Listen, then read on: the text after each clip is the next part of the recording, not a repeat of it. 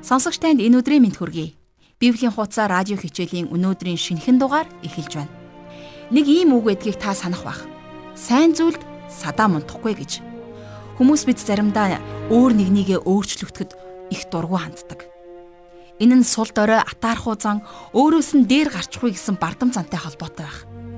Жухам яагаад ийм үгээр өнөөдрийн хичээлийг эхлэх болов гэхээр өнгөрсөн удаа Амелекийн нутгаар Израильчууд зүгээр л өнгөрье гэсэн. Тэд нарт байлдах хүсэл огтхон ч байгаагүй юм. Ахаарин амилагчууд олон зуун жил боол байсан учраас тэдний эрх чөлөөтэй байгаад нь шалтгаангүйгээр дургуутсан тэдэнтэй тулалдсан юм. Мэдээж энэ байдал бурханд таалагдаагүй учраас тэр Израильчуудад ялалт өгсөн түүхээр өнгөрсөн удаагийн хичээл дууссан. Израильчууд цөлийн аяллаа хурдан дуусаасаа гэж бодож байсан байх л да. А бид ч гэсэн өөрсдийнхөө амьдралын асуудлыг хизээ нэг дуусгах юм бол доо гэж боддог. А харин яг үнэндээ тэдгээр асуудлууд хизээч дуусахгүй. Бид зөвхөн бурхны хүч чадлаар ялж сурах л боломжтой байгаа юм. Ингээд өнөөдрийн хичээлийг эхлүүлэхээс өмнө бурханд хамтдаа залбирцгаая. Бурхан минь бид таньдаа үнэхээр талархаж байна.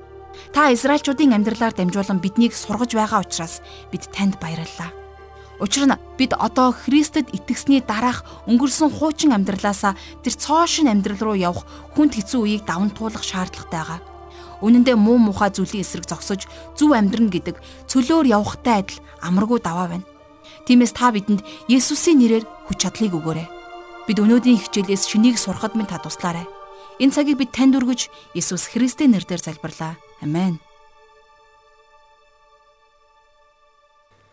За Египтээс гарсан номныхон 18 дугаар бүлэгт Израилийн хүүхдүүд Египтээс гараад Синай уул хүртэлх зам тохиолдсон долоон үйл явдлын хамгийн сүүлчийн үйл явдал дээр ирэх юм. Бурхан Мосег илчлэлтээр дамжуулан шууд өөрөө удирдах байсан. За харин энэ хичээл дээр Мосе илчлэлтийг хүсэж Бурхан руу эргэхийн оронд тусламж хүсэн дэлхийн мэрэгэн ухаан руу эргэсэн тухай гардаг юм. Медианы тахилч Етро өөрийн хөргөн Мосе дээр нэгэн удаа зочилж ирдэг. За тэр эрэхтээ Мосегийн эхнэр хүүхдүүдийг авчирсан. За энэ зочлолт үнэхээр сайхан болсон л доо. За энийг магадгүй гэр бүлийн цугларалт гэж хэлж болно. За тэгэхээр энэхүү үйл явдлаар эхэлж байгаа 18 дугаар бүлгийг хамтдаа гаргацгаая. За 1-р ишлэлээс хамт уншицгаая. Эзэн Израилийг Египтээс хэрхэн гаргасан ба? Бурхан Мосед болон өөрийн ард түмэн Израильд юу хийснийг бүгдийг нь Мосегийн хатам эцэг Медианы тахилж Етро сонссон.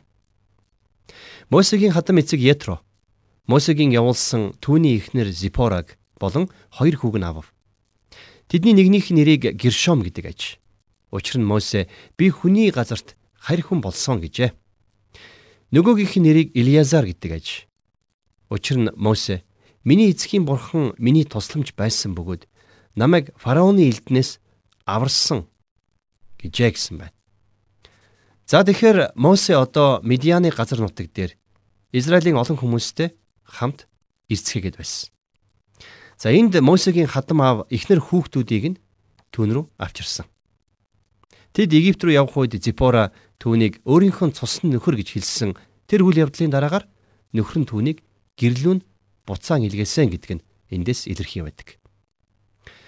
Египтээс гарах үйл явц болж байх яг тэр үед тэрнийг тэнд байсан гих тэмдэглэл огт байдаггүй. Харин одоо Етро түүнийг хоёр хүүтэй нь хамт Мосе руу авчирсан байна. За энэ бол яахын аргагүй гэр бүлийн цугларалт болсон байна. За 5-аас 7 дугаар ишлэл дээр 18 дугаар бүлгийн 5-аас 7 дугаар ишлэл.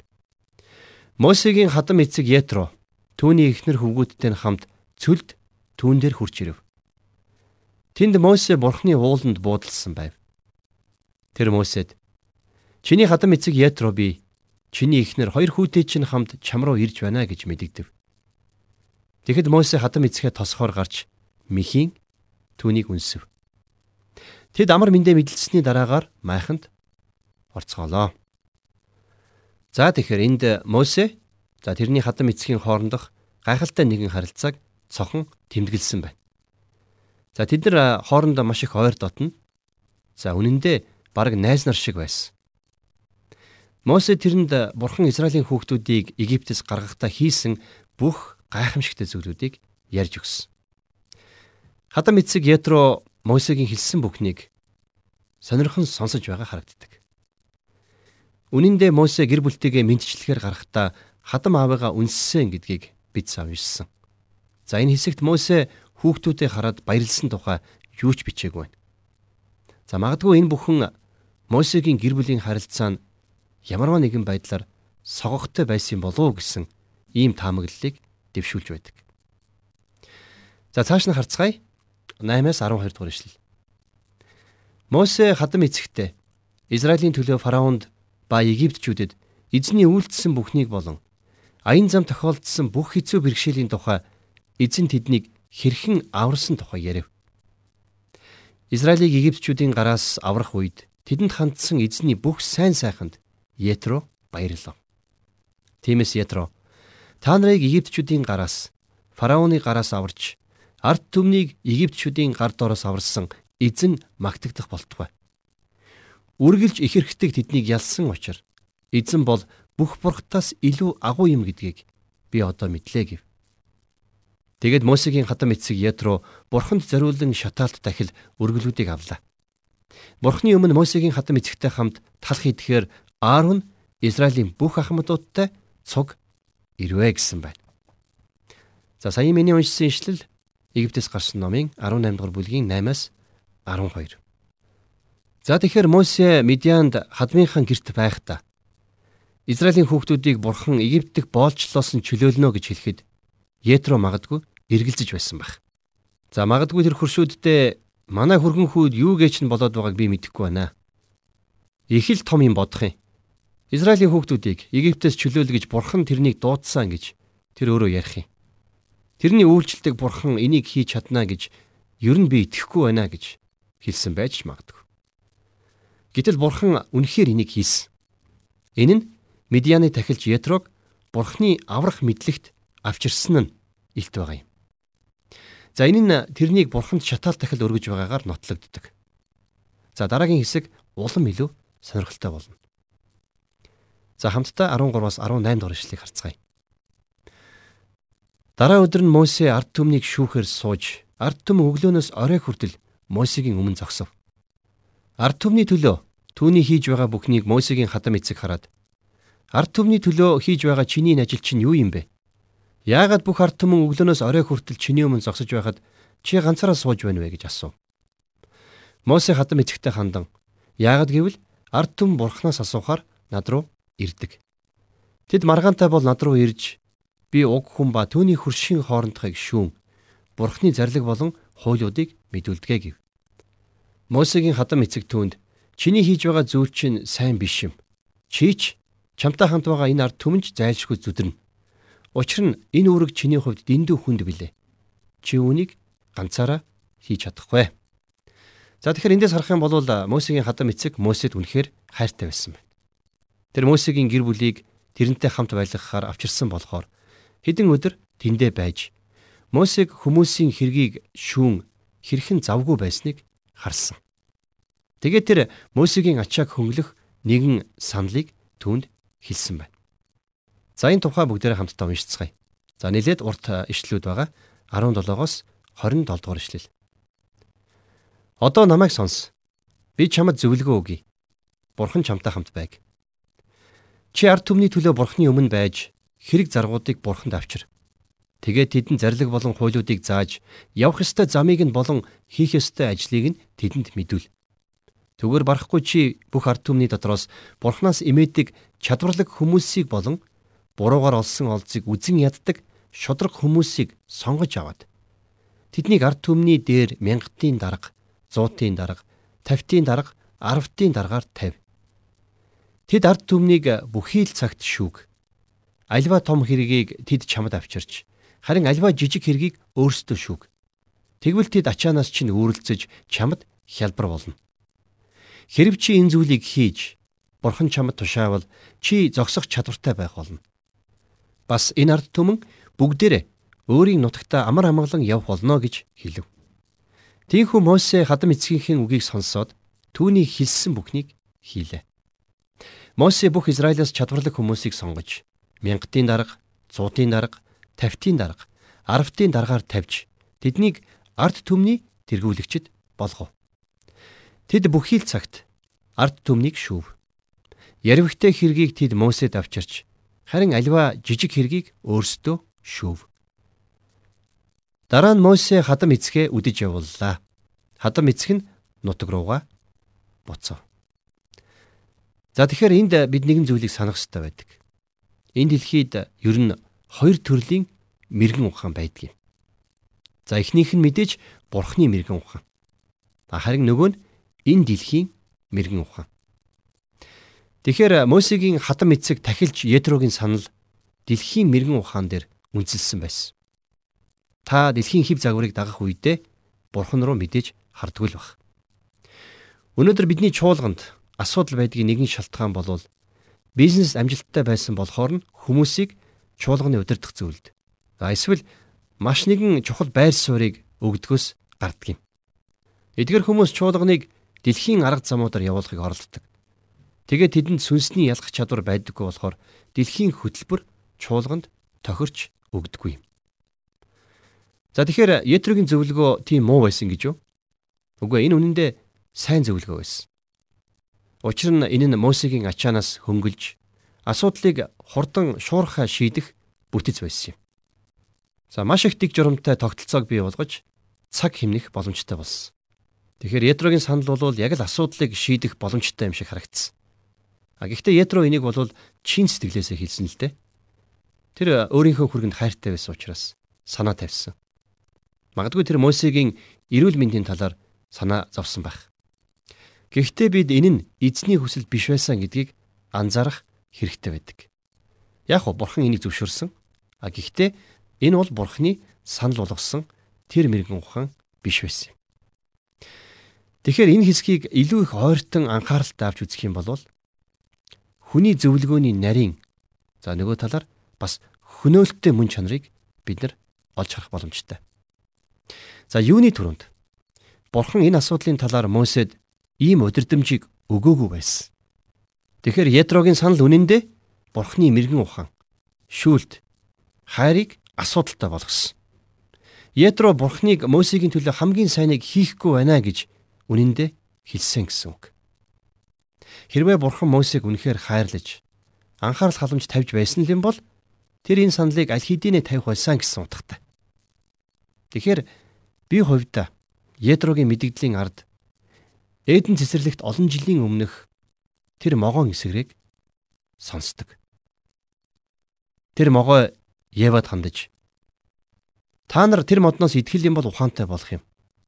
Тэгээд бурхан үүнийг та нар зөвшөөрөхгүй байгаа юм. Бурхан та нарын төлөө өөрийн хийж чадах хамгийн сайныг хийхгүй байна гэсэн утгатай зүйлийг хэлсэн. За тэгэхээр Ятрогийн тавьсан энэ санал бол битүүхэндээ яг дэрэгтэй адилхан утга санааг илэрхийлж байгаа юм. А харин энэ нь хамгийн сайн арга байсан бол бурхан энэ зохицуултыг аль хэдийнэ хийх л байсан. За бас анхаарах ёстой хоёр дахь зүйл бол бурхан Мосетэй шууд харилцдаг байсан шүү дээ. Тэр тэрнийг Израилийг чөлөөлөх агуу их үүрэг даалгаврын төлөө бэлтгэж байсан. За тэгэхээр энэ утгаараа бурхан гурав дахь этгээдийг хөндлөнгөөс авчрахыг хүсээгүй. Бурхан Мосетэй нүүр нүрээрээ тулан ярилцдаг байсан гэдгийг бид нар санах хэрэгтэй. Бурхантай шууд харилцах дургүй олон хүмүүс байна. Хүндлэнгийн тэд бусад хүмүүстэй илүү харилцдаг. А гэхдээ та бидний хувьд бид нар Бурхан руу шууд очих хэрэгтэй байна. Бурхан хүмүүсээр дамжин эдгэрийг авчрахыг хүсээгүй.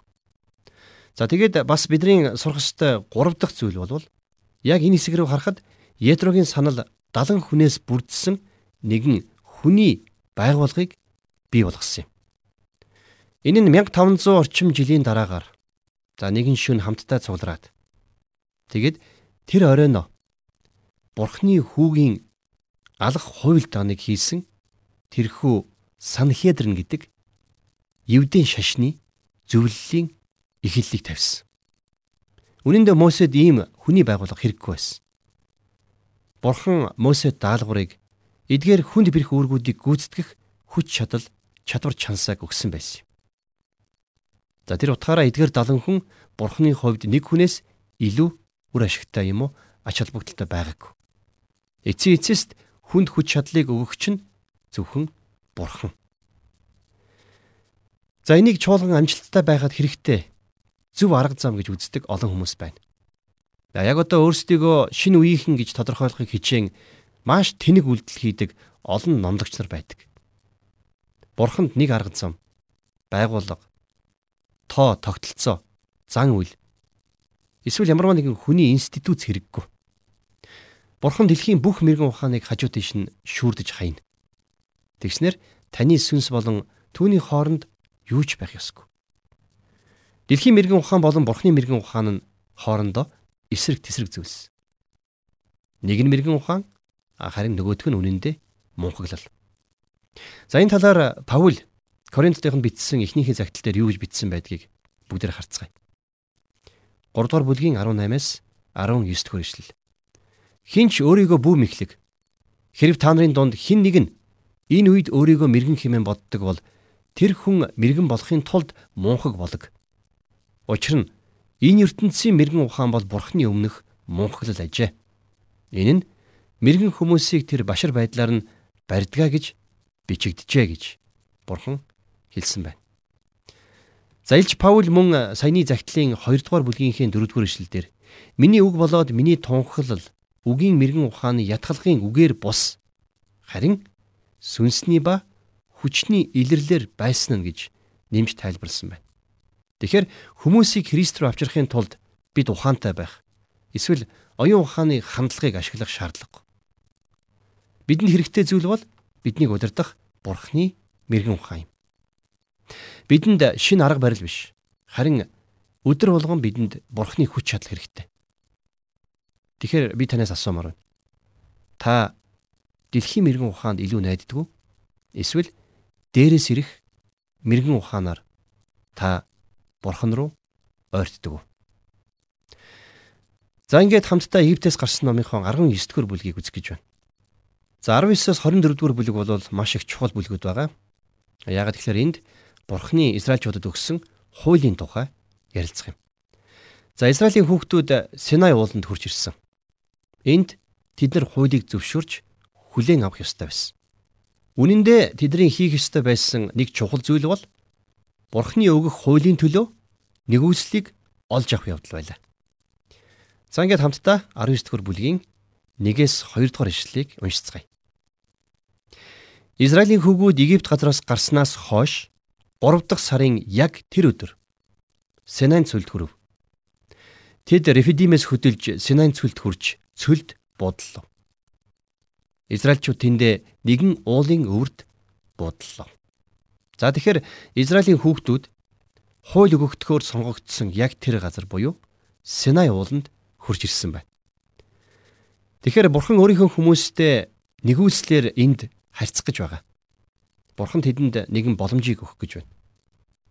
Израильчууд Египтээс гарсан цагаас хойш бурханы ууланд ирэх хүртлээр бурхнаар удирдуулж явсан шигэ үргэлжлүүлэхийг хүсэж харин эннийхээ хариуд хуулийг зөвшөөрч хүлээн авах хэрэгтэй байсан.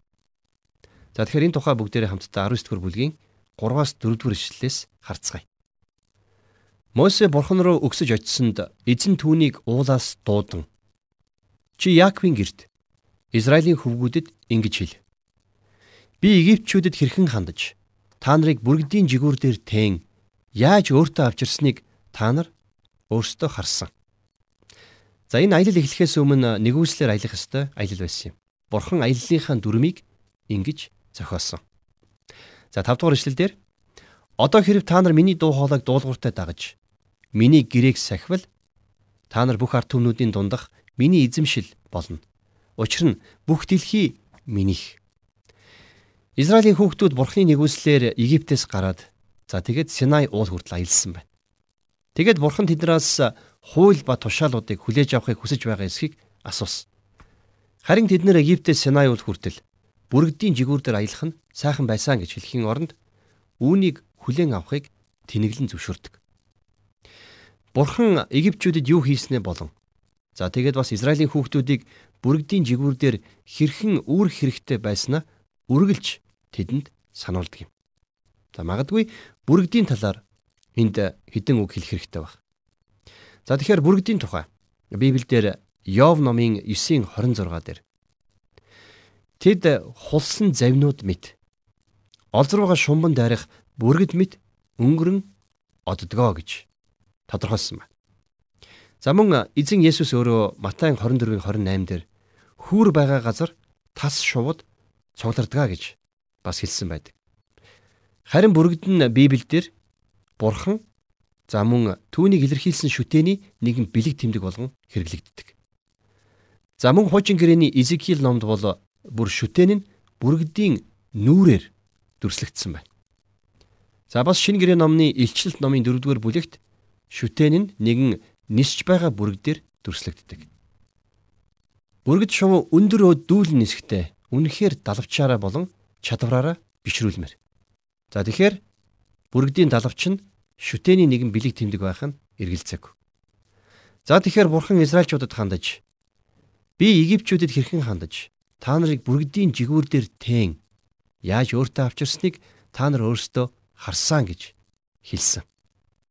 Энэ бол бурхны гайхалтай За мөн бас хязгааргүй гайхамшигтай нэгүслийн тухай өгүүлсэн байна. Нэгүслээрээ бурхан Израилийг Египтээс гарган Синай уулан дээр авчирсан. Бурхан тэднийг Египтийн боолчлолд тусламж найдваргүй байхыг нь хараад тэгээд тэр өөрийн хүч чадлаар тэднийг золин аварсан юм. Тэр тэднийг цусаар золин аварсан. Үхлийн тэнгэр илж дээгүүр өнгөрсөн яг тэр шөн Израилийн хүүхдүүд Египтээс алхаж гарцгаасан.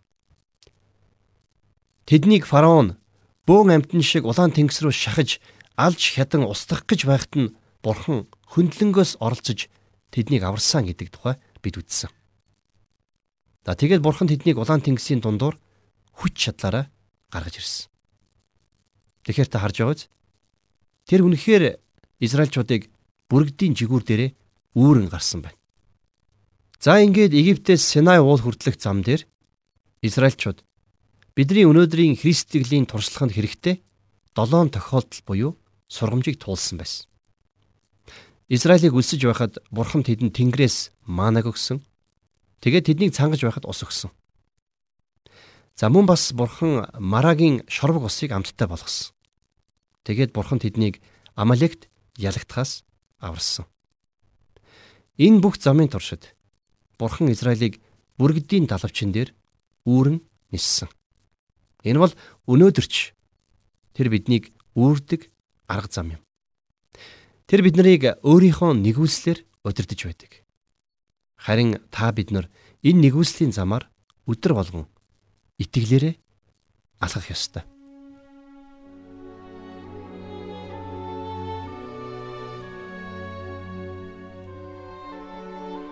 Тэгэхээр өнөөдрийн хичээл бидний ихтгэл үнэмшил гэр бүлд минь ямар их чухал байдаг тухай бид хамтдаа суралцж нэг гайхалтай түүхийг сонслоо шүү дээ. Заримдаа Библийг уншдаг хүмүүс өөрсдийгөө амьдралын туршлагатай хүмүүсээс хавьгүй илүү болчлоо гэж бардахдаа Бурхны зан чанараас холцчиход байдаг. Мөсегийн хатан эцэг нь хүрэгнийхээ Бурхан эзнийг хүлээн зөвшөөрч магтаж түүгэрч барахгүй Мөсед зөвлөгөө өгч байгаа нь Бурхан биднээс хүсээд байдаг зүйлийг тод том руу харуулж өгсөн юм шиг надад санагдлаа. Бид Бурхны хайр нэрлийг амсахаараа бусдаас тусгаарлагдах биш. Харин ч эргэж тэдэнтэйгээ нэгдэхийн тулд уучлалт гуйж, тусалж бас тэдний нэг гэдгээ үргэлж харуулж явах хэрэгтэй гэдгийг бид өнөөдөр хамтдаа суралцлаа. Бурхан өнөөдөр ч гэсэн биднийг өөрийн гайхалтай мөнхийн чанар болох нэгүслэр удирдахыг хүсэж байгаа юм. Хичээлээ сурсан зүйлээрээ өөрийн гэр бүлдээ Бурхны хайр ивэлийг түгээж байгаа гэдэгтээ итгэж байна. Ингээд дараагийн хичээл хүртэл түр баяртай. Харин хичээлийн төгсгөлд хамтдаа залбирцгаая. Бурхан эзэн минь бид өнөөдрийн хичээлийн төлөө онцгойлон талархаж байна. Та өөрийн жигүүр дээрээ биднийг тээж авдаг гэсэн энэ л үгээр бид урамшиж, урам зоригтой болдог. Бид бас ганцаардмал өөрийгөө нээдэггүй, бас бусдад тохируулан амьдрах гэж зүдэрч явсан биднийг та эргчүүлөөрөө дуудсанд баярлалаа. Таны нэгүсэл харийг өөрийн гэр бүлийнхэн, өөрийн бас ард түмэндээ түгээхэд минь та туслаарай. Израилийг хүчрхэгжүүлсэн та бас миний ард түмнийг хүчрхэгжүүлж өгөөрэй. Би танд бүх зүйлээ даатгаж Есүс Христийн нэрээр залбирлаа. Амен.